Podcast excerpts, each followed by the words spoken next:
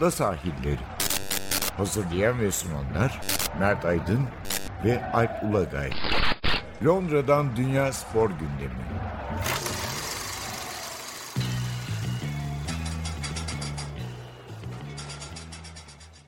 Ada sahillerinden merhabalar. Ben Alp Ulagay. Ben Mert Aydın. 107. Ee, bölümde aslında planlarımız Premier League konuşmak üzerineydi. Bir sürü güzel olay oldu hafta sonu gerçekten. Olaylı, eğlenceli bir hafta sonuydu ama yayına girmeden, daha doğrusu kaydı yapmadan yaklaşık iki saat önce aldığımız bir haber planları tamamen değiştirdi. Çünkü dünyanın gelmiş geçmiş en büyük oyuncularından biri, en büyük belki sporcularından da bir, biri diyebiliriz. Diego Armando Maradona'nın ölüm haberini aldık. Önce bir süre doğrulatmakta herhalde kaynaklar sıkıntı çektiğini Arjantin dışında bir kaynak yok gibiydi doğal olarak. Ama 15-20 dakika içinde e, acı haberi aldık. Herhalde bundan başka konuş, konu konuşmak bu hafta pek mümkün olmaz. Ne diyorsun?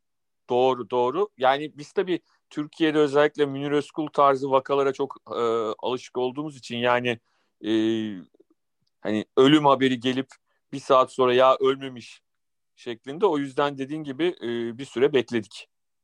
Gerçekten ölüp ölmediğini e, anlayabilmek için ama daha sonra daha saygıdeğer ve önde gelen medya kuruluşlarının haberlerinden e, bunun net olarak doğru olduğunu öğrendik ki biliyorsun bir hafta önce miydi? Bir iki hafta önceydi değil mi? Bir e, ameliyat geçirmişti zaten. Bir operasyon geçirmişti. Son bir ay içinde herhalde. Sonra iyi olduğuna evet. dair fotoğraf da çıktı aslında. Bir sanıyorum bir e, beyinde bir anevrizma mı bir şey var herhalde öyle bir şey oldu. E, ya Alp e, bu korona döneminde artık e, normal belki e, iyi geç denen şeylerin bile ne diyelim çok güvenilir olma ihtimali azalıyor. Yani e, hastanede yatan insanların, bıçak altında yatan insanlar bir şekilde biraz daha savunmasız mı kalıyorlar vücutları? Öyle düşünüyorum yani. Belki başka zaman olsa ölmezdi bilemiyoruz. Doğrudur ama yani Maradona'yı konuşmadan geçmek olmazdı. Biz de hatırlıyorsan Mart ayında liglere ara verildiğinde Covid-19 sebebiyle Hı. böyle çocukluk anılarımızı konuştuğumuz 70'leri 80'leri 90'ları konuştuğumuz birkaç bölüm yapmıştık. Orada Maradona'ya bir değinmiştik elbette. Değinmeden geçmek olmazdı ama yani bizim çocukluğumuz diyebiliriz. Benim için zaten öyle. Tabii sen biraz Hı-hı. daha gençtin. E, gençlik dönemi Çocuk. ama çok yani çocuk. ilk, ilk futbol anlarımıza çok damga vurmuş bir isim. Herhalde Tabii. 86 Dünya Kupası ile de en başta. Tabii. Yani e, aslında e, biliyorsun yani 70'lerin sonunda e, Arjantin'de çok ön plana çıkan bir oyuncu. Ama e, onu çok tecrübesiz bulan Menotti 78 Dünya Kupası kadrosuna e, onu almıyor. 79'da Dünya Gençler Şampiyonu oluyor Arjantin. Onun önderliğinde diyelim. Ve ardından da işte o zaman TRT'de e, spor stüdyosu programında zaman zaman Maradona'nın gollerinin Arjantinli spikerler tarafından anlatıldığı görüntülerle e, hayatımıza girdi. Yani Maradona Maradona gol gol gol gol diye bağıran Arjantinli spikerlerin o görüntülerini e, TRT verirdi ve e, böylelikle biz Maradona'nın neler yaptığından haberdar olurduk e, Arjantin'de.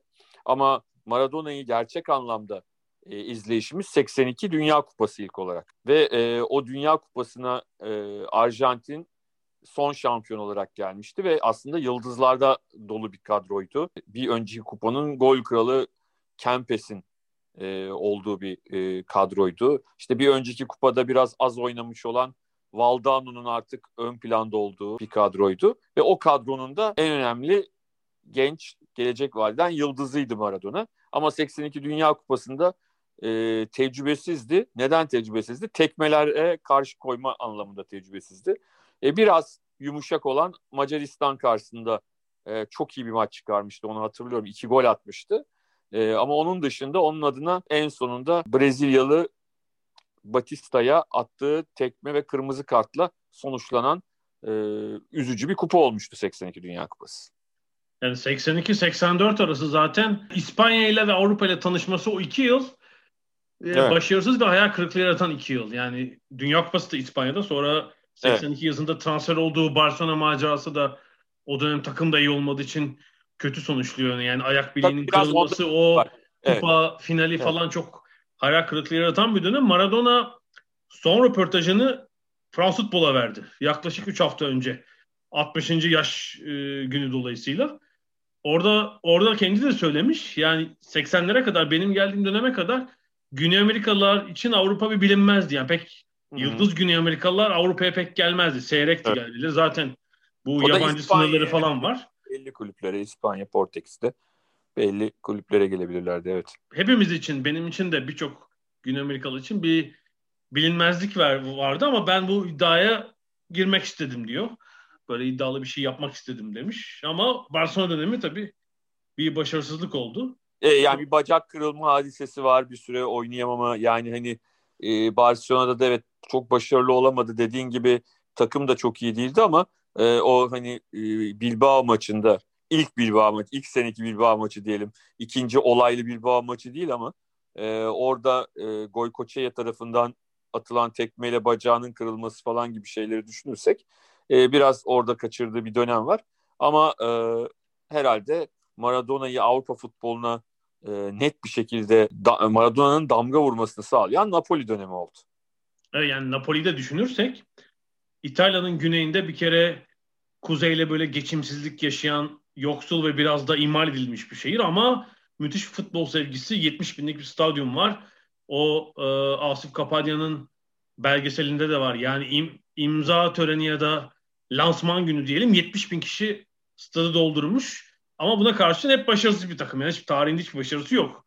Maradona gelene kadar. Zaten sanıyorum Napoli'nin e, tek başarılı dönemi de yani kupalar kazanabildiği dönem yine Maradona'lı dönem. E, müthiş bir sevgiyle karşılıyorlar. Yani bunun çok örneği yok tabii. Yıldız futbolcular sonuçta iyi takımlara, büyük takımlara gitmek istiyorlar. Maradona hem Napoli'yi çok yukarı çıkardı hem de 86'daki Arjantin takımı yani o Maradona dışında çok fazla yıldız olmayan Arjantin milli takımı içinde. Evet. Herhalde aynı şeyi söylemek lazım. Evet. Şimdi gençler şeyi çok anlamayabilirler. Niye Napoli'ye gittiğini. Şunu söyleyelim. O dönemde e, Avrupa'nın birçok şey, ülkesinde olduğu gibi İtalya'da da iki yabancı hakkı var takımların. En önde dediğimiz kulüpler o dönemde başta Juventus, Juventus'ta Platini ve Bonyek var. Platini ve Bonyek'le çok başarılılar. O yüzden de değiştirmek istemiyorlar. Yani o dönemde Zico da Udinese'ye gitmek zorunda kalıyor bu yüzden mesela. Ya bu tabii bir şey söyleyelim. Maradona zaten Juventus'un tarzı bir oyuncu ve kişilik değil yani. Ama, Juventus belki ama şey anlamında söylüyorum. Yani büyük takımların zaten şeyleri dolmuş durumda kontenjanları. Şimdiki gibi olsaydı muhtemelen Maradona Juventus olmasa da o dönemde en üstte olan takımlardan bir tanesi de transfer olacaktı. Yani sanki bilerek Napoli'yi seçti aslında büyükleri seçebilir gibi bir durum ama öyle bir durum yok. Onu anlatmaya çalışıyorum. mesela o, o zamanki Roma da çok büyük bir takım mesela. Falcao ile Cerezo var değil mi orada?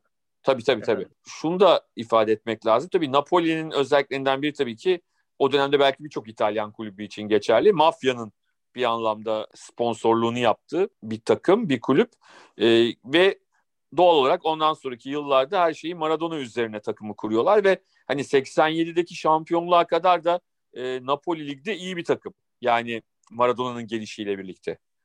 Yani Maradona sadece 87'de takımı şampiyon yaptı diye değil, 87'ye kadar da takımı şampiyonluğa oynatabilecek o öyle bir takımı kulübü şampiyonluğa oynatabilecek bir seviyeye getiriyor. Bu da çok önemli bir şey. Şampiyon olması kadar e, önemli diye düşünüyorum. Napoli'nin ve de Maradona'nın gol kralı olduğu, e, çok fazla gol attığını bir yere yazmamız lazım ki hani o dönemlere kadar e, Maradona gibi orta saha ağırlıklı oyuncuların e, bu kadar çok gol atmadığını görebiliriz. Yani işte Platini, Maradona hepsi aslında aynı dönemin oyuncusu. O dönemde İtalya Ligi'nde de gol krallığı yarışmasında önde bu tip oyuncular var. Şöyle İtalya Ligi'nin o günkü durumunu anlatmak için bir örnek daha vereceğim. 90'larda da gerçi böyleydi.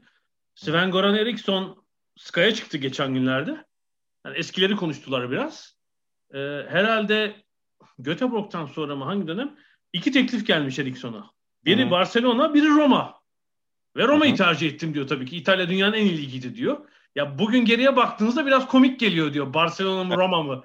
Bugün bu, bu, bu şey yaptığınızda kıyası. Ama o gün Roma çok büyük bir kulüptü ve İtalya Ligi dünyanın en iyi ligiydi. Ben oraya gitmek istedim diyor. Ya zaten hani Maradona'nın İtalya'ya ayak bastığı dönemde Roma e, Şampiyon Kulüpler Kupası finalisti. E, son İtalya şampiyonu. Hatta Maradona'nın geldiği yılda İtalya şampiyonluğunu Verona'nın kazandığını belirtelim. E, Napoli'ye transfer olduğu sezonun sonunda e, Verona şampiyon oluyor. E, ama 87'deki şampiyonluk çok çok önemli. E, ilk kez Napoli'nin bu başarıyı kazanması ve Maradona'nın bir çeşit Napoli kentinde e, nasıl diyelim tanrısal bir kata ulaşması diyelim. Aziz ee, aziz. evet yani bu, bu şekilde gerçekleşiyor. Daha sonra 90 yılında da bir şampiyonluk daha var. Ee, yine Napoli ile kazandı. Ama tabii herhalde Napoli dönemi için bir de üstüne UEFA kupası var. Ee, Napoli dönemi için tek eksik Şampiyon Kulüpler Kupası diyebiliriz ama e, o dönemde yani şimdiki gibi düşünmeyelim. Şampiyonlar Ligi'nde şu anda takımlar e, bir sürü maç yapıyorlar oraya varana kadar. Çok zor. O dönemde zor ama o dönemde eğer kura şansınız yoksa da işte Napoli'nin bir sezon hatırlıyorum ben. ilk turda Real Madrid ile eşleşmişti. Üstelik yani, bir de Real Madrid bir önceki sezonun meşhur Bayern Münih maçından cezalı boş tribünler önünde oynanıyor maç. Evet evet evet. evet. Ha, yani. Ondan sonra yani öyle bazen şanslı kura çekersiniz hiçbir büyük takıma çıkmadan evet finale kadar gitme şansınız var. Ama bazen de işte e, seri başı diye bir şey olmadığı için tak diye ilk turda Napoli İtalya şampiyonu ile İspanya şampiyonu e, birbiriyle eşleşebiliyor. Biraz Maradona buna kurban gitti e, diyebiliriz. Ama hep konuştuğumuz hatırlarsan hem o programlarda geçmişte de hep konuştuğumuz 80'li yıllar Şampiyon Kulüpler Kupası'nın değil Dünya Kupası'nın dünya yıldızlarını belirlediği bir dönem 80'ler. Hele bir de, bir de şeyi düşünürsen evet. şimdi Arjantin 78'e kadar hani Maradona'da kenarından dahil diyelim Brezilya'nın müthiş gölgesinde ya ezili rakibi Brezilya 3 yani, tane kupayı cebe koymuş. Arjantin'in 1930 finali var değil mi? 30'dan 78'e kadar finali yok. Doğru. Sonra Ki Copa Amerikalarda da hep geçmiş Arjantin Brezilya'yı ağırlıklı evet, olarak. Hep gölgesinde işte 78'i kazanıyorlar tabii ev sahibi olarak. Ve sonra tabii Güney Amerika'daki önemini düşünelim. Yani o Dünya Kupası'nı onu kaldırmak büyük bir e, büyük bir amaç. Yani Maradona'nın da belli ki aklında hep o var yani 82'deki hayal kırıklığından sonra. Ben de zaten aklımda kalan o müthiş görüntü o kupayı kazandıktan sonra tribünde alıyor ve o kupayı öpmesi yani benim kupam. Ben kazandım evet. onu. Gerçekten Tabii, onun sembolü o o öpücük. Doğru. Doğru. Doğru. Aynı dönemi düşündüğümüzde aslında 86 Dünya Kupası'nın başında yaşanan enteresan olaylar var. Yani aslında takımın e, liderinin Passarella olması gerekiyor. Hani 78 ve 82'nin takım lideri diyelim. E, ama Passarella, Maradona pek e, anlaşamıyorlar liderlik konusunda ve e, Passarella'nın hiç oynamadığı bir Dünya Kupası oluyor. Aslında herkesin oynamasını beklediği. E, Maradona aslında o anlamda bir riske de giriyor. Yani işler kötü gitse e, biraz Maradona için sıkıntı olabilir ama Maradona hakikaten şöyle diyelim herhalde bir futbolcunun e, oynayabileceği en iyi bir aylık e, performansı gösteriyor 86 Dünya Kupası'nda. Sıra dışı bir bireysel performans. 7 maçta 5 gol 5 asist. Yani 86 daha önce tabii çok gol atan oyuncular var ama 86'dan sonra 10 gole katkıda bulunan bir oyuncu çıkmamış o tarihten evet. sonra. Yani attığı gol ve asistlerin toplamı onu bulan başka bir oyuncu yok. Ya tabii onun yanında da hani neredeyse hani hiç katkıda bulunmadığı gol varsa da hani sonuçta bir şekilde o golün de hazırlanmasında Maradona'nın payı var diyebiliriz e, rahatlıkla. Çünkü o takım senin de söylediğin gibi çok çok büyük yıldızlardan oluşan bir takım değil. Aslında Maradona'nın kaderi de biraz böyle. Yani Maradona'nın çok büyük yıldızlarla oynadığı 82 Arjantin milli takımı, Barcelona gibi takımlarda çok bir türlü sivrilemediğini bir şekilde görüyoruz ama 86 Dünya Kupası'daki Arjantin ya da Napoli gibi Maradona üzerine kurulan takımlarda nasıl diyelim saha içindeki en önemli otoritenin kendisi olduğu takımlarda gerçek anlamda en büyük yani çok net bir şekilde çok çok net bir şekilde e, en büyük olduğunu görüyoruz. Yani e, bu biraz çelişki gibi görünüyor ama diğer taraftan da onun genelde e, hani o liderlik ve saha içinde o topun sahibi olduğunun e, göstergesi diye düşünüyorum ben. Tabii 86 Dünya Kupası aynı zamanda Tanrı'nın eli demek. Çeyrek finalde evet. attığı iki gol İngiltere'de onu hem bir nefret objesi hem de bir e, hayran olunan bir oyuncu haline de getirdi aynı zamanda. Yani 50 attı ilk golden sonra ikinci evet. golde İngiltere milli takımının yarısını peşine takıp Shilton'u mağlup etmesi ve tarihin en güzel gollerinden birini atması unutulacak Doğru. gibi bir şey değil yani o Doğru, doğru. Ama tabii ben biraz e, şeyim ne derler. E, hani Maradona'nın büyüklüğüne hiç kimsenin bir itirazı olamaz. Yani saha içindeki e, Maradona'nın e, oyunculuğuna, ona tarihin gelmiş geçmiş en iyisi diyenlere hayır değildir kardeşim demek çok kolay değil. Onu onu bir kere söylemek gerekiyor, bir tarafa koymak gerekiyor. Ama diğer taraftan sadece işte Che Guevara dövmesi yaptırması yaptırdı diye işte FIFA'yı yönetenlere zaman zaman karşı çıktı diye de onu bir böyle bir e, bazen olduğundan daha farklı noktalara getirenlere de benim çok sıcak bakmadığımı söyleyeyim. Maradona bir böyle muhalefet timsali midir? Değildir ama sıra dışıdır. Ee, Doğru. Hiç yani, itirazım yok ona. Evet, boyun eğmezdir ama yani böyle şey değil. Hani muhalefet bayrağını alıp sürükleyecek kişi mi? Peki çünkü çok bireysel yani. Bir no, kendi hayatında bir takım oyuncusu değil tabii. Bunu değil. söylemek yani lazım. Şu, söyleme şunun için söylüyorum. İşte e, bizde de hani başka yerlerde de böyle bir hani Falkland Savaşı'nın ne olduğunu bilmeden e, işte elle attı işte kahraman e, intikamını aldı falan. Falkland Savaşı dediğimiz şey e, bir juntanın kanlı bir juntanın e, kendi iktidarını meşru gösterebilmek için sonu kötü biteceği neredeyse kesin olan bir savaşı kullanmasıdır yani anlatabildim mi? Şimdi bunu ve yüzlerce e, yüzlerce genci de feda etmesidir tabii. Evet, bilerek yani yani e, Britanya'ya karşı bir zafer kazanma ihtimali. Ha şu var. Malvinas adaları onların deyimiyle. Malvinas adaları e, bence de Arjantinli olmalı mantık olarak. Onu ifade edeyim. Ama o savaşın onunla bir alakası olmadığını bilmeyen insanların işte Falkland'ın intikamı falan diye Türkiye'de falan böyle insanlar var. Rica ediyorum alakası yok yani.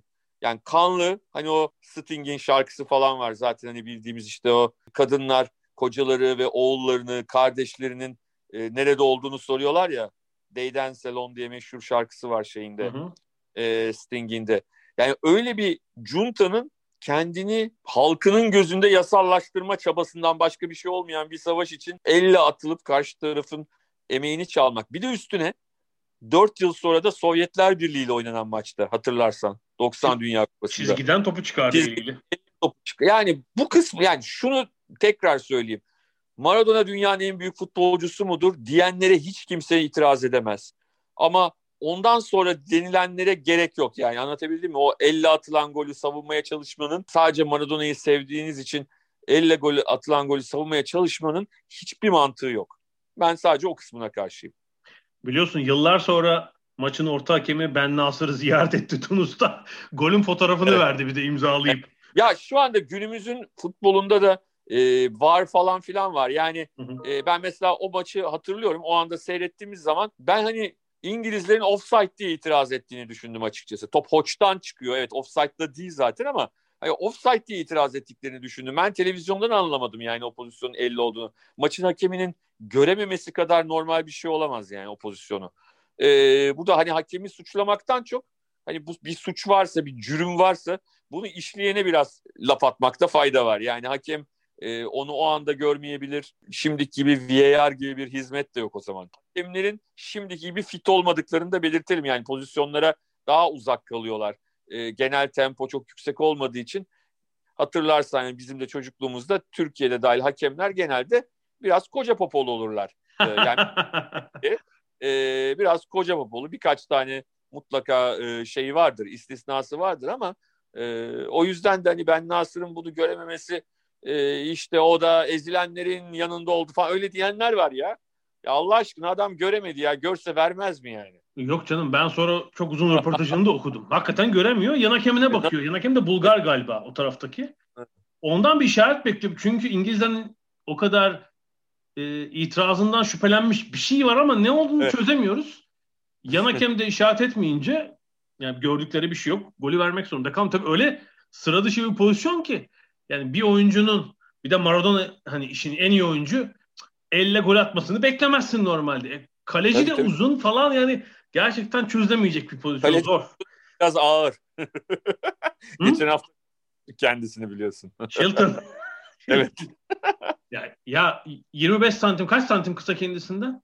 25 santim mi? Kaç boyunu bilmiyorum Shilton'ın. 25 santim kısa. Bir de kolu var.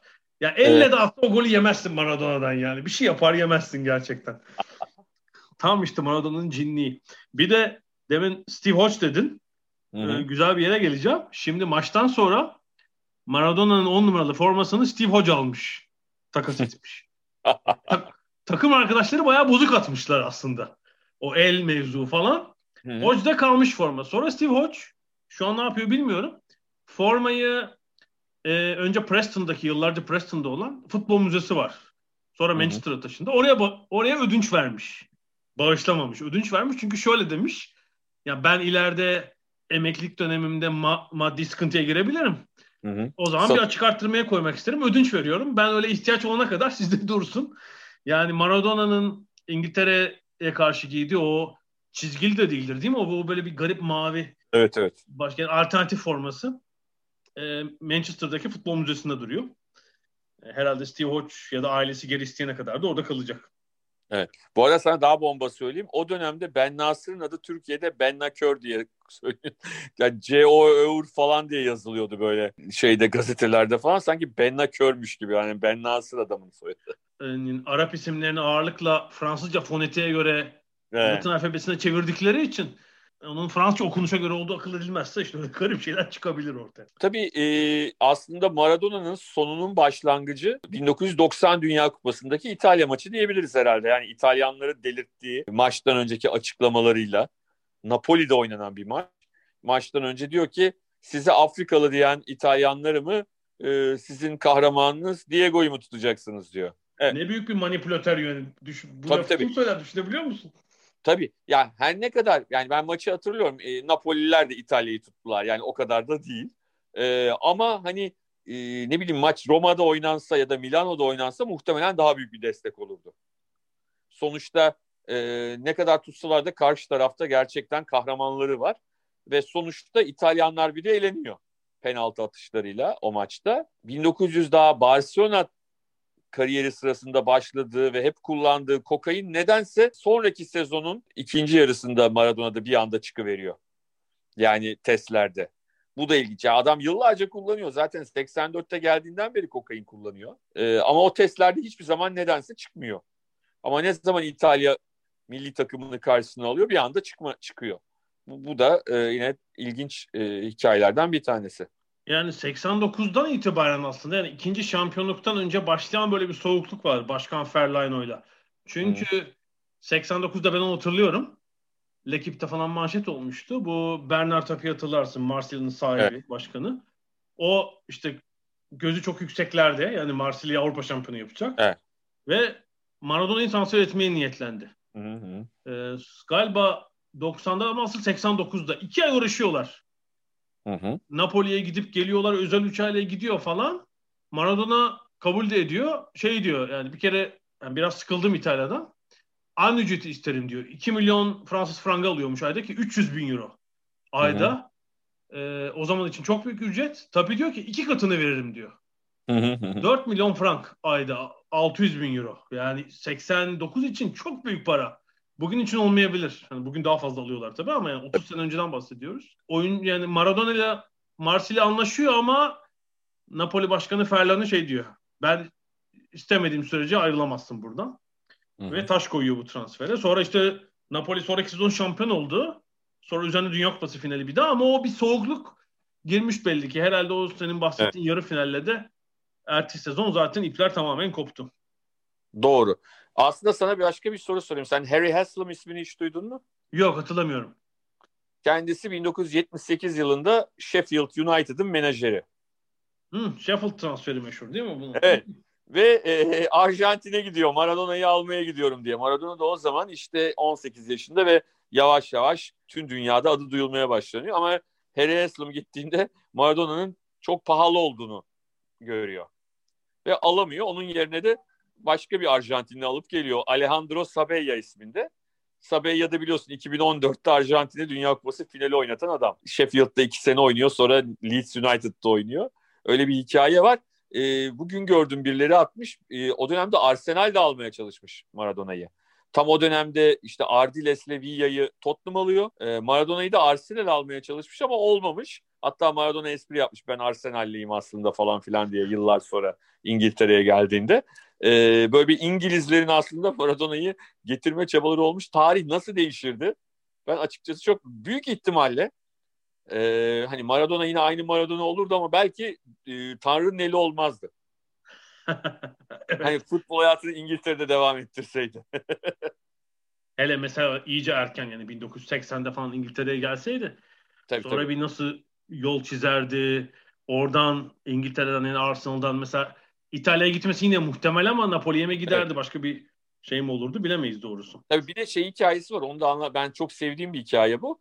Ee, Maradona çocukken işte Argentinos Junior'sun e, altyapısında e, maçların devre aralarında stadyumdakileri eğlendirmek için sahaya çıkarılıyor. 13-14 yaşındayken. Top sektiriyor. Değişik şeyler yapıyor. Yetenekleri o zaman da belli. Bir maçın devre arasında çok kötü bir maç. Galiba Boca maçı olabilir. Emin değilim. Ar Argentinos Junior'sun. E, çok kötü bir maç. 0-0 devre arası Maradona çıkıyor. İşte hareketlerini yapıyor. Herkes çok eğleniyor, bağırıyor, ona tezahüratlar yapıyorlar. Devre arası bitiyor. Tam çıkacakken çocuk çıkmasın diye tezahürat başlıyor. Hani maç o kadar kötü ki. Onu hani, izlemek istiyoruz. Bırakın maçı. Tabii onu izlemek istiyoruz diye tezahürat yapıyorlar. Yani e, öyle de bir şey var. 70'lerin daha ilk yarısında Maradona'nın şeye ne derler? Buenos Aireslilerin hayranlığını kazandığı dönemler. Sonra artık işte bu doping e, İtalya'dan ayrıldı falan seviyede oynadı. Sonra bir, bir, bir dördüncü Dünya Kupası daha oynadı biliyorsun iki maç. Evet, evet ve de aslında o kupanın öncesi de önemli çünkü Arjantin e, çok kötü bir Güney Amerika elemesi geçirmişti. Hatırlarsan Kolombiya'dan evinde bir tane yemişti. Müthiş maçtır o. O maçtan sonra işte Avustralya ile bir playoff oynadılar ve o maçlara çağrıldı Maradona. Kaptan olarak Arjantin'in başında e, Avustralya'yı eledikleri o iki karşılaşmada görev yaptı ve 94 Dünya Kupası'na katıldılar ve o takım biliyorsun hani o 80 86'ları gibi bir takım değil. Yani çok da yetenekli oyunculardan kurulu ve en önde de tarihin belki Arjantin'in ve Avrupa'nın da en hani büyük golcülerinden Batistuta en önde de o, oynuyor o takımın. Ee, ama işte Yunanistan'a atmıştı değil mi o golü? Yunanistan'a evet. tabii 4-0'lık evet. Yunanistan maçı. Evet biliyorsun o yani o golden sonraki sevinci bir acayipti. Gözlerini açması falan. Yani genel Maradona tarzında olmayan bir e, sevinçti. O maçtan sonra dopingli bulundu. Ve e, ondan sonra da Arjantin toparlayamadı. Önce grubun son maçında e, Bulgaristan'a yenildiler ve grup birinciliğini kaybettiler. Ardından da Hacı önderliğindeki Romanya'ya kaybettiler son 16 turunda. Yani şampiyonluğun en büyük adaylarından biriydi Arjantin o turnuvada. Genel kadrosuyla yani Maradona olsun olmasın. Ama öyle bir e, moralleri bozuldu ki öyle bir dağıldılar ki ondan sonra toparlanamadılar. İki maçta 6 tane gol yiyip toparlanıp geri döndüler e, Arjantin'e. Ama Maradona'nın ne diyelim futbol hayatını artık bitiren ceza oldu diyebiliriz. Yani evet ya ben şeyi hatırlıyorum. Türkiye'de bir özel bir maç. O maçın işte devre arasında geldi. Tribünleri selamladı. Oynayamıyordu. Cezalıydı çünkü. Ee, Ali Sami Yen stadında. Merhaba televole zamanlarında söyledikleri falan. Ama yani ondan sonrası şöyle diyelim. Sevilla dönemi var 93'te. Ee, orada biraz daha da, yani o şöyle diyelim Napoli sonrasında yine en değerli toplu futbolunu biraz Sevilla'da oynadı diyebiliriz. Ee, yanında hani Şuker gibi bir ne diyeyim ona ayak uyduracak bir oyuncunun da olduğu bir takımdı. Ama ondan sonrası biraz parodi gibi oldu yani. Hani Maradona'nın geçmiş futbol hayatının parodisi gibi oldu. Teknik direktörlüğü de maalesef çok istenen seviyede olmadı. Belki işte son dönem o Meksika'da falan bir iyi bir şeyler yaptı ama özellikle 2010 Dünya Kupası'ndaki Arjantin'i oynatmaya çalıştığı ama pek de e, başarılı olmayan futbol hani Maradona'nın teknik direktörlük yaşamının çok da nasıl diyelim hatırlanmaması gerektiğini bize gösterdi. Yani hatırlamasak daha iyi. Kötü şeyler yapmış olabilir. Ee, ama renkli bir hayattı. Ama teknik direktörlüğü pek renkli değildi. Yani onu o kısmını pek konuşmamak lazım Maradona'yı konuşurken.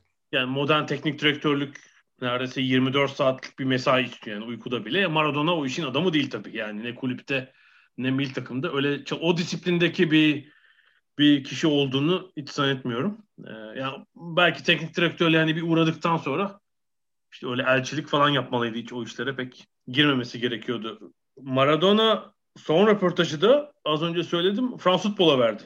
Hı hı. 60. doğum günü sebebiyle yani Fransız futbol bir buçuk yıl önceden düşünmüş bu sayıyı ve 2019 yazında röportaj için uğraşmaya başlamışlar. Abi bak mesela e, şey var ya Bill Gates e, BioNTech'e şeyini satın almış geçen yıl bir belli hisselerini. Hı hı hı. E, deniyor ya işte nereden biliyordu virüsün çıkacağını da ortak oldu diye. Bak Fransız futbolda öleceğini biliyordu bence ben sana söyleyeyim. Bu işte bir iş var. bir buçuk yıl önceden nereden biliyorsunuz? Tabii yani o tabii tabii 60. yıl için ben espri olarak söylüyorum. Tabii muhtemelen ki. özel yıl dönümlerinin özel turnuvaların sayılarını önce çok, çok önceden planlıyorlar işte. Tabii tabii 50, ya ben espri olarak söyledim zaten. 50. Tabii. yıl dönümü, 60. yıl dönümü falan. O sebeple yapmışlardır. 2019 yazında başlıyorlar. Bir türlü şey gelmiyor. Yani çok sorulaşıyorlar. İşte önce bir eski basın sorumlusu var o yardımcı olurum diyor. Sonra onu ilişki kesiliyor falan. Ya bu yılın Eylül'üne kadar öyle gelmiş. Arada sağlık sorunları. En son e, Buenos Aires'in merkezine 30 kilometre dışarıda bir villası var. Oradan bağlanıyorlar cep telefonuna. Tabii ayağına gitme şeyi de olmuyor. Şans fırsatı da olmuyor bu Covid-19 sebebiyle ama bayağı kısa bir röportaj. Normal Fransız futbol röportajlarının yarısı kadar olmuş ve zaten yavaş konuşmuş. Ee, sadece şunu soruyorlar. 60. doğum gününüz için bir hediye düşündünüz mü? İngiltere'ye bu kez sağ elle gol atmak diyor. Şeyde var bugün bir tane görüntü gördüm. BBC belgesi bir belgesel için Geri Lineker e, Arjantin'e gitmiş. Ama bu e, daha çok eski yani. Hani hala Maradona galiba oynuyor. Ya da Maradona teknikçi bilmiyorum. Takımı da tanıştırıyor ona. Hangi eldi diyor. Geri Lineker ona. o da elini gösteriyor gülerek. Sol elini. e, ondan sonra bugün de Lineker aslında güzel bir mesaj attı. Bazı Arjantinli troller e, çözememişler ama artık yani şöyle bir kelime oyunuyla bitiriyor. Kendisine olan saygısını belirttikten sonra artık Tanrı'nın elinde diyor. Güzel bir hani kelime oyunuyla e, Maradona'ya saygısını anlatmış ondan önce e, ne kadar büyük bir futbolcu olduğunu e, belirttikten sonra. Güzel bir tweet atmış. Evet e, ilginçtir. Maradona ile ilk röportajı yapan e, Arjantin'in Clarín gazetesi 10 yaşındayken bugün yani ondan 50 yıl sonra ölüm haberinde aynı yayın verdi. Yani Clarin'de başlayıp yine Clarin gazetesinde biten e, bir hayat, stil ama aynı zamanda başarı, biraz haşarılık, nevi şahsına münhasır bir oyuncu ve tarihin en büyüklerinden biri. E, Maradona'dan konuşmadan olmazdı. Var mı ona dair ekleyeceğimiz bir şey? Ya aslında yani kitap yazılır canım yani hani bir ekleyecek var. Ee, bir tek şeyi söyleyeceğim. Hı hı. Biliyorsun hani e, birçok kitap yazılmıştır. Hani benim okuduğum en iyisi Jimmy Burns'un. Jimmy Burns'un kitabı. Hakikaten çok müthiş müthiş bir kitap. Bir tane kitap da Türkçe'ye çok e, yazık çok kötü o anıyı anlatacağım. Çok feci bir kitaptı. Ben çok sevmiştim bir kitap çevrildi diye Maradona ile ilgili. O zaman ben 442'da çalı, e, genel yayın yönetmeyim. Aynı zamanda kitap yani futbol kitapları ile ilgili de bir köşe var. Onu da yazıyorum kitap eleştirisi gibi. O kitap çıkınca çok sevindim. Yani Jim Burns'un kitabı değil ama başka bir Maradona kitabı. Galiba Maradona'nın otobiyografisi. Ee, 2000'de çıkan o kitap evet. 2000, 2000 değil. Benim dediğim 2005 falan. Hani Türkiye'de yok, 2005. Yok benim dediğim yani orijinali 2000'de çıkan. Ha, olabilir. Evet evet o kitap. Hı hı. Ha, çok sevindim hemen aldım. Ondan sonra yayın evinin adını vermeyeyim. Belki hala belki de yoktur artık. Bilmiyorum. Ondan sonra ama kitabı gördüm. Kitap orijinalinden çevrilmemiş İspanyolcadan, İngilizceden çevrilmiş. Bunu nasıl anladım biliyor musun? Yapılan çeviri yanlışlarından anladım yani. O kadar rahat anlaşılıyordu nereden çevrildiği. yani hani futboldan anlamayan değil zannediyorum İngilizceden de anlamayan biri çevirmişti. işte bu. Yani çünkü bazı kitaplarda anlıyorsun hani çeviren o yabancı dili biliyor ama futbolu bilmiyor. O başka bir şey. Evet. Yani mesela Güney Amerika'da Selesao'yu seçme diye çeviriyorlar mesela değil mi? Gibi. gibi. Ama bu öyle değil. Bu İngilizce bildiğinden de şüphelendiğim biri tarafından çevrilmiş. Çok ağır bir yazı yazmıştım. Üstüne o dönem bizde dergi grubunun şef editörü olan Mansur Forutan da Akşam Gazetesi'nde o zaman benden aldığı bilgilerle daha da ağır bir tane yazı yazdı. Sonra yayın evinin sahibi bize ulaşıp abi ne yapalım falan gibi bir durumu oluştu. Ee, sonraki bir futbol kitabı da çevirdiler. Onu bizim istediğim, bizde sorduğu kişiye çevirttirdik. Bana da tekrar okuttular. şey olmasın diye. Spor yayıncılığının katili Mert Aydın. Efendim kitap yayınlanmıyor. Ya şöyle söyleyeyim ben sana.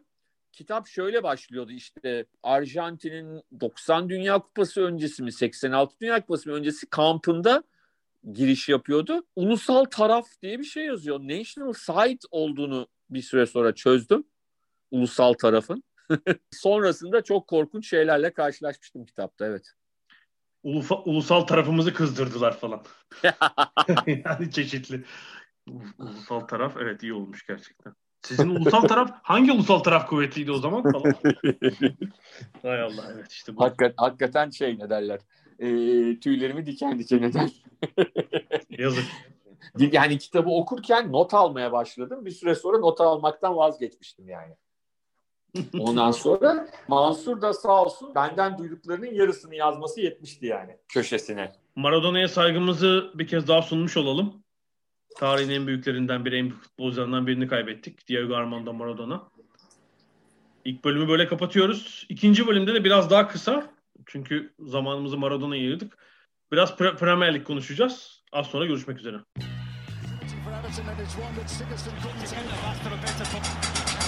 Ada sahilleri. Londra'dan Dünya Spor Gündemi.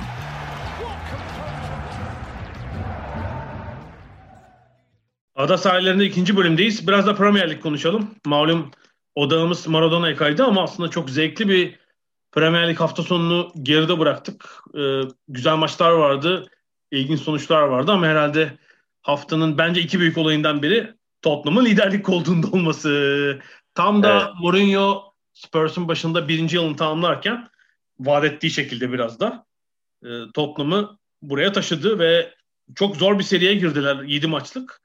Onun ilk maçında çok e, net ama anlamlı bir City galibiyeti. 2-0'lık evet, City galibiyeti. Değerli galibiyet elde ettiler. Şöyle söyleyelim. Bence bu galibiyetle bir de üstüne rakibin de bütün defolarını ortaya çıkardılar. Yani Manchester City'nin bütün sorunlarının bence net bir şekilde göründüğü bir maç oldu. Yani Tottenham'ın öyle bir ve Jose Mourinho'nun öyle bir hizmeti oldu Pep Guardiola'ya ve Manchester City'ye. Hem de City'nin Guardiola'yla kontratı uzatmasının hemen ardından oldu bu. Ya bu ikilinin zaten işte 10, herhalde 13 yıldır karşılaşıyorlar. Bir yıl boşluk. 2008'de Pep Barcelona'nın başına gelmişti. 13 sezonluk bir rekabet var ama sık sık e, rekabetin kızıştığı dönemler oluyor.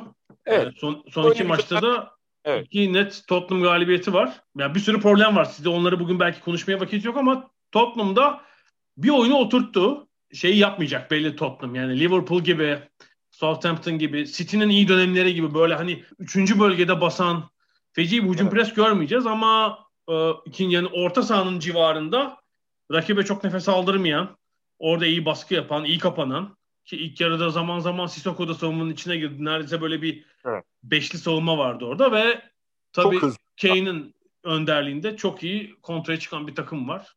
Ve de tabii sonun bitiriciliğiyle yani e, BBC Match of the Day'de de Alan Shearer özellikle altını çizdi. Yani bu oyunu tamamlayabilmek için Kane ve Son gibi iki dünya klasında oyuncuya ihtiyaç var diyordu. Yoksa o zaman sıradan bir takım haline dönüşebilir. Yani sadece savunma yapan ve kontraya çıkan ama o kontraya çıktığında hakikaten öldürücü olma özelliğini bu iki oyuncu sağlıyor. Mourinho bunu çok iyi kullanıyor.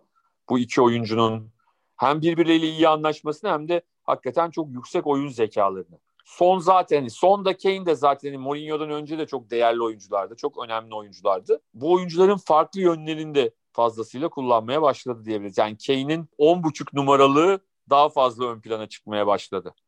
Yani sadece golcülüğü değil, hakikaten müthiş pasörlüğü, oyun görüşü.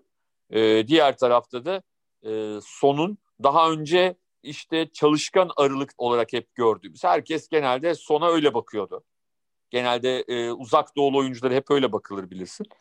E, ama hani son iki yıldır son ciddi anlamda aslında Mourinho'nun biraz öncesinde başlamıştı bu ama Mourinho ile birlikte iyice bitiricilik anlamında çok çok değerli dünyada hani önde gör, görebileceğimiz bir oyuncu tipine büründü. Şöyle ki e, Tottenham tabii genelde deplasman maçlarında özellikle bu City maçı da biraz öyleydi. İstediği tarza uygun giden maçlar oynuyor. Yani deplasman ya da topu rakibe bırakmayı tercih ettikleri, rakibin savunma hattını biraz ileri çıkardığı maçlar işte Manchester United maçı gibi. Ee, tabii bunun tersi olan maçta bir tek Tottenham'ın Tottenham oradaki reaksiyonu merak ediyorum. Yani Chelsea maçında da herhalde öyle olmaz bu hafta sonu ama iki hafta sonra Kuzey Londra derbisi var. Şu Arsenal mesela bu sezon büründüğü kimlikte topu Tottenham'a bırakmak isteyebilir. O zaman ne yapacak Tottenham? Arsenal Valla Arsenal'in ne yapmaya çalışacağını e, bilemiyorum ama senin dediğin gibi yapabilir ama hani sonunda ne olur çok emin değilim hani Arsenal açısından. Ya 0-0'a yatabilirler. 0-0'ı bağlıyorlar bak. Onu yapıyorlar. Evet, evet. Ya son espri şey biliyorsun. Birisi İngiliz birisi yazmış. Hani Pepe kırmızı kart gördü. Kuzey Londra derbisinde yok. Tottenham buna itiraz edebilir diye. Harikaydı ya. Çok iyiydi. Oynasın ya Pepe falan. Ne büyük hayal kırıklığıdır Pepe gerçekten. Ya Arsenal'a bugün çok vakit kalmaz ama şimdi Tottenham'ın ya geçen sene ne kadar umutluyduk. Hani sene başında geçen sezonun başında konuşuyorduk hatırlasana. Ama Pepe geldi. sezon içinde de öyle oynamadı. Bir de yani şey çok hoşlanmadığım bir o yüz ifadesi var böyle. Hep böyle acı çekiyormuş, memnun değilmiş gibi bir ya şu oyunu biraz coşkulu ona bir ekstra bir, bir şey Bir Polar Heathcliff hikayesi diyorsun. Görüntüsü pardon. Yani hep böyle memnun Böyle şeyli, sıkıntılı. Ya ne yapalım yani ileride e, el belde top mu bekleyeceksin? Neyse Arsenal ayrı bölümde değiniriz. Şu Tottenham'ın fikstürüne bir bakayım istiyorum. Şimdi City bu dizinin ilk maçıydı. Londra'dan da pek ayrılmıyorlar bu arada. Bu hafta yine Londra'lar Chelsea deplasmanı. Hı hı, Arsenal ağırlayacaklar. Yine Londra'da Palace'a gidecekler. Sonra Liverpool deplasmanı ve içeride Leicester'la bitiriyorlar. Yani buradan ben böyle bir 14 puan üstü alırsa Tottenham yarışın içinde kalır diye düşünmüştüm. Çok iyi başladılar Doğru. yani City maçında 3 puan. Ya aslında genel hani takımların haline bakıldığında hani Tottenham birincilikten düşse bile e, bence çok uzun süre o şampiyonluk yarışının içinde kalır diye düşünüyorum. Ya zaten ee, şu ilk 9 haftanın gösterdiği yani böyle çekişme açısından muazzam bir sezon olacak yani. 5-6 takım şeyin içinde doğru. olabilir. Yani mesela şu doğru. bile olabilir. 2 hafta kala 8. takım dördüncülüğü kovalayabilir falan böyle bir şey izleyebiliriz. Böyle bir sezon evet, izleyebiliriz. Yani bu arada Chelsea'nin de altını çizelim yavaş yavaş hoş göze hoş gelen bir takım olmaya başladılar. Her evet. dakikasını maçın çok süper oynamıyorlar ama hani o Ziyech'in de hep konuştuğumuz katılımı ile birlikte üretken bir takım olmaya adaylar. Senin de söylediğin gibi e, bu hafta sonu oynanacak maç o anlamda da e, önemli bir sınav olacak. Biraz denedi etti şeyden de faydalandı Lampard e, Şampiyonlar Ligi'nde de nispeten nispeten kolay bir grupta. Yani hmm. seviye dışında ciddi rakip evet. yok. Zaten dört maçtan şeyi garantilediler. Dördüncü maçtan ikinci tura çıkmayı garantilediler. Deniye de bir 11'i buldu. Yani kale tamam. Chilwell zaten müthiş bir katkısı var. E, sağ evet. bek Reece James. Stoperleri biraz değiştirerek unutuyor. Yani Thiago Silva'yı belli ki yaşı itibariyle her maçta Hı-hı. yormayacak. E, burada kritik olan şu. İleri üçlü de belli gibi. Yani Werner, Abraham ve Ziyech. Ortada şimdi mesela Havertz sakat, ıı, sakatlık değil. Hastalığı sebebiyle yoktu. Şimdi Havertz'in oynayabileceği bir yer yok. Ya Mason evet. Mount'u feda edecek. Çünkü Ama hatırlarsan Kante oranın belli ki orta sahanın presçileri. Evet. Öyle iki oyuncusu olacak. Sezon başında hatırlarsan ya Mount'la Abraham ne olacak diyorduk ama baya baya oynuyorlar yani. Hani Abraham da oynuyor, şey de oynuyor. Ee, onlardan hiç şey yapmadı. Fedakarlık ya, yapmadı yani. Ben de şeyi düşünmüştüm. Transferlerle 11'i yazmıştım o kendi yetiştirdikleri oyunculardan hiçbiri oynamayacak gibi gelmiş. Üçü birden ilk 11'de mesela. Reece James, Mason Mount doğru, ve Tammy Abraham. Ya bu sevindirici. Geçen yani, sezon yani şey da, Evet.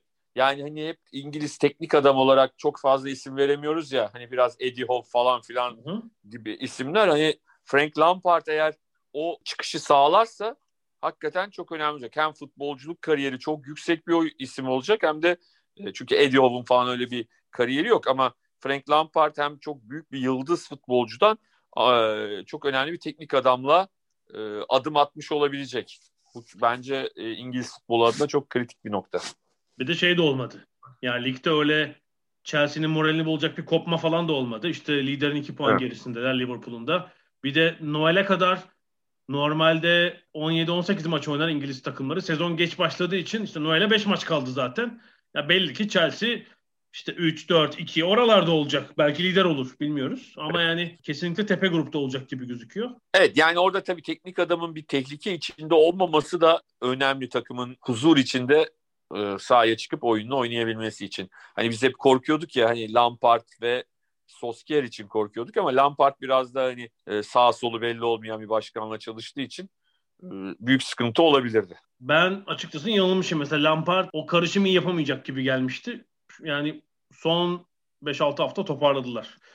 Biraz orada yanılmışım. Bu arada geçen nerede var? Abramovich tribünlere döner mi diye bir soru vardı. Abramovich bir buçuk yıldır İngiltere'ye giremiyor. Girerse yani Mayıs, döner de. Mayıs 2019'da e, Birleşik Krallık vizesi bittiğinden beri İngiltere'ye girmedi. Arada biliyorsun İsrail vatandaşlığı da aldı. Ama onu kullanarak da ülkeye girmiş değil bilmiyorum. Takım çok iyi gider. Yeni yıla lider falan girerse fikrini değiştirir mi? Bilemeyeceğim. Bir buçuk yıldır. Abi onların Ankara anlaşması yok mu ya? E, o Tel Aviv anlaşmasına başvuracakmış. Moskova evet. anlaşması ya da Tel Aviv anlaşması evet. Tabii Tottenham lider.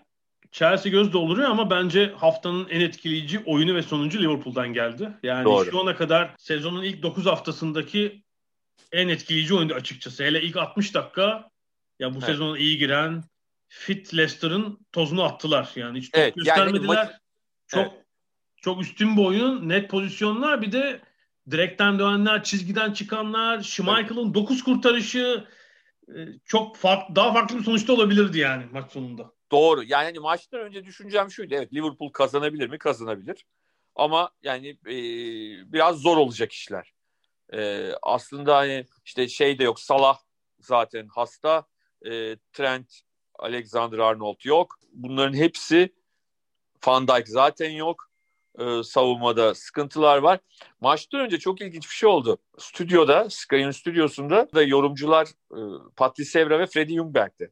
Freddie Ljungberg'e şeyi sordu işte. E, Leicester'da dedi Söyüncü yok, e, Ricardo Pereira yok. Bunlar nasıl etkiler? dedi. O da dedi ki ya dedi bunları söyleyecek bir lafımız olamaz dedi. Çünkü dedi diğer tarafta dünyanın en iyi savunma ortası yok dedi. Yani hani Van Dijk yok dedi Liverpool'da. Hani e, karşı takımda kimin olup olmaması önemli değil. Liverpool'da zaten çok çok önemli bir adam eksik dedi. Yani bütün bunların ışığında çok zorlanabileceklerini düşünüyordum ben de. E, oyun iyi oldu. Bir de belki doğru bir zamanda Evans'ın kendi kalesine attığı gol, Leicester'ın da genel oyununu oynamasına, o genel kontra oyununu oynamasına da engel oldu. Bunu da ifade etmek lazım. Hani öyle bir gol olmasa ne olurdu ama oyuna, o gole kadar da e, üstün performans ortaya koyuyordu Liverpool. Ve de hani sezon başından beri e, çok da kazandıkları maçlarda bile sağlam performans ortaya koyamayan bir takım vardı. Belki geçen haftaki işte e, Liverpool City maçının ilk yarısı hani futbol olarak tatmin edici bir futbol vardı. Ama onun dışında o da yoktu. Aa, ve de işte ne bileyim sağ bekte James Milner o hani şeyde ne derler acil durum anında e, camı kırınız durumunda James Milner oynadı. Ya tam o güzel güzel tarif ettin ki Milner'ı ben şuna benzetiyorum. Böyle sahanın kenarında bir kabin duruyor böyle cam. Kırıyorsun içinde takım elbiseli James Milner var böyle süper kahraman gibi takım elbise yırtıyor içinden forma çıkıyor ve sahaya yani, giriyor. Şu ana mesele şu yani James Milner'dan tabii ki e, Arnold, Trent Arnold, şey Alexander Arnold performansı bekleyemezsin ya da o oyun tipinde bir oyun bekleyemezsin. Ama sonuçta hiçbir zamanda ondan vasatın altında bir şey bekleyemez. Yani mutlaka o yeri dolduracak bir performans ortaya koyar. Firmino uzun süredir gol atamıyordu iç sahada. Ee, o da atana kadar direklerle çok enteresan bir macera yaşadı. Ee, ama evet, en sonunda o, o da güzel bir kafa golü attı. O yani attığı golden önceki pozisyon nedir Allah aşkına yani çalışılsa sirkte falan yapamazsın o pozisyonu. Tabii tabii ondan sonra gelen top yine direkten döndü falan filan. Tabii burada hani Brandon Rodgers'la ilgili sorular sorulabilir. O çıkabilir miydi? Hani biz hepimiz yani Cengiz girseydi daha önce soksaydı falan. Ama hani sadece Cengiz meselesi değil. Hani daha önce müdahale edebilir miydi bu takıma? Ee, bu takımı değiştirebilir miydi? Elinde tabii ki e, çok aşırı derecede zengin bir kadro yok ama geçen seneye göre biraz daha bazı mevkilerde biraz daha şanslı, eli daha kuvvetli. Yapabilir miydi? Bunu söylemek zor. Bu kadar iyi bir Liverpool'a karşı bu çok kolay bir şey değildi. Onu da altını çizmek lazım. Yok burada yani iki takımın arasındaki güç farkı belli oldu. Hatırlarsan geçen sene de galiba Dünya Kulüpler Şampiyonası dönüşü Leicester'da oynamışlardı ve Liverpool ezerek 4-0 yenmişti. Yani biraz o maçı hatırladım. Yani iki takım Leicester'da o zaman ya lider lider değil ikinciydi herhalde. O güç farkını bir daha gördük. Bu arada bir Jota etkisini söylemek lazım. Evet yani evet Liverpool süper. bir ilk aldığında acaba sürpriz transfer mi demiştik ama sonra tabii anlaşıldı ki Liverpool'un bu scout işi çok biliyorsun böyle analize bilim bilimsel metotlarla falan yapılıyor. Yani aylardır takip ettikleri zaten ortaya çıktı ama gelir gelmez inanılmaz bir katkı verdi. Yani ilk sonradan girdiği ilk maçında zaten Arsenal'a gol atmıştı. İşte Şampiyonlar Ligi'nde Atalanta hat-trick yaptı. İçerideki dörtlük maçın her birinde gol var. Bu maçta da Leicester karşısında maçın en iyi oyuncularından biriydi. Yani şöyle bir şey var tabii. Pozisyon bulmasının yanı sıra bir prese inanılmaz katkısı. Zaten solda Mane var. Bir de sağda Jota. inanılmaz bir pres etkisi ve sürekli top istiyor. Sanıyorum e, en fazla çalım atan oyunculardan biri o gün Robertson'la beraber.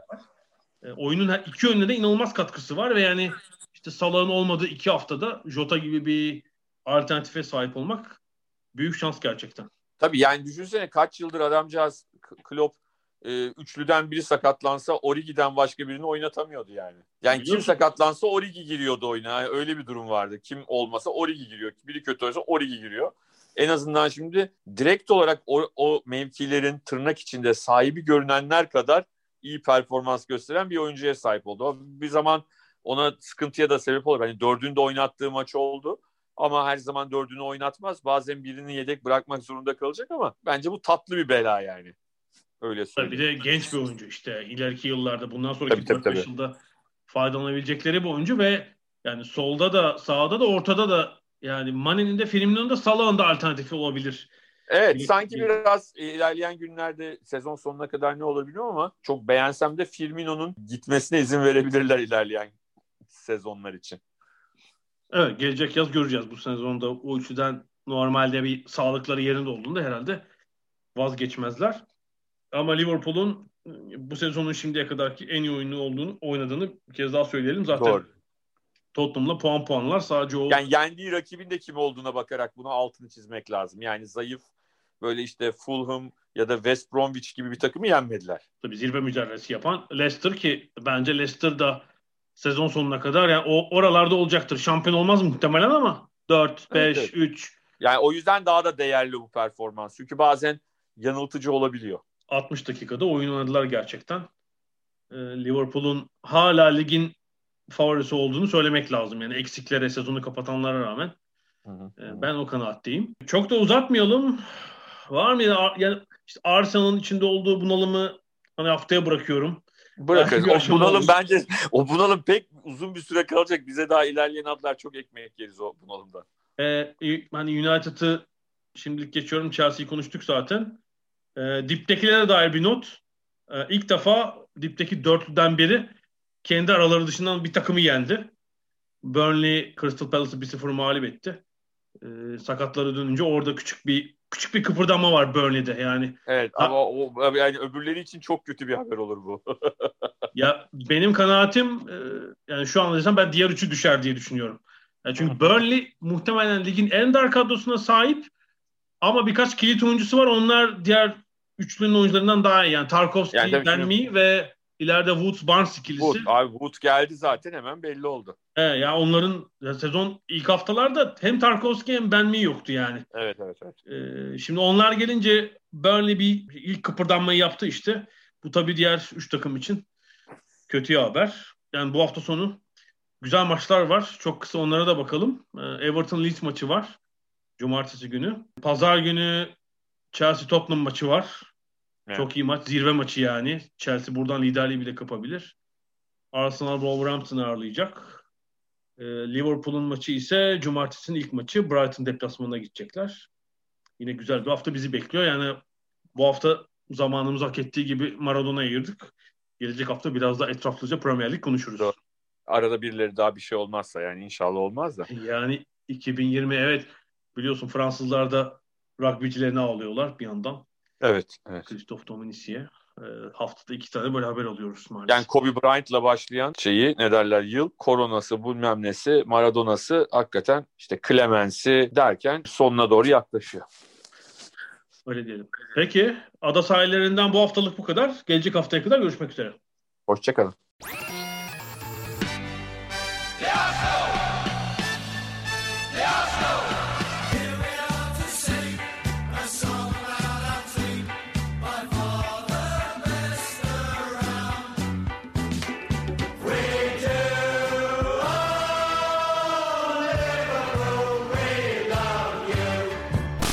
Ada sahilleri.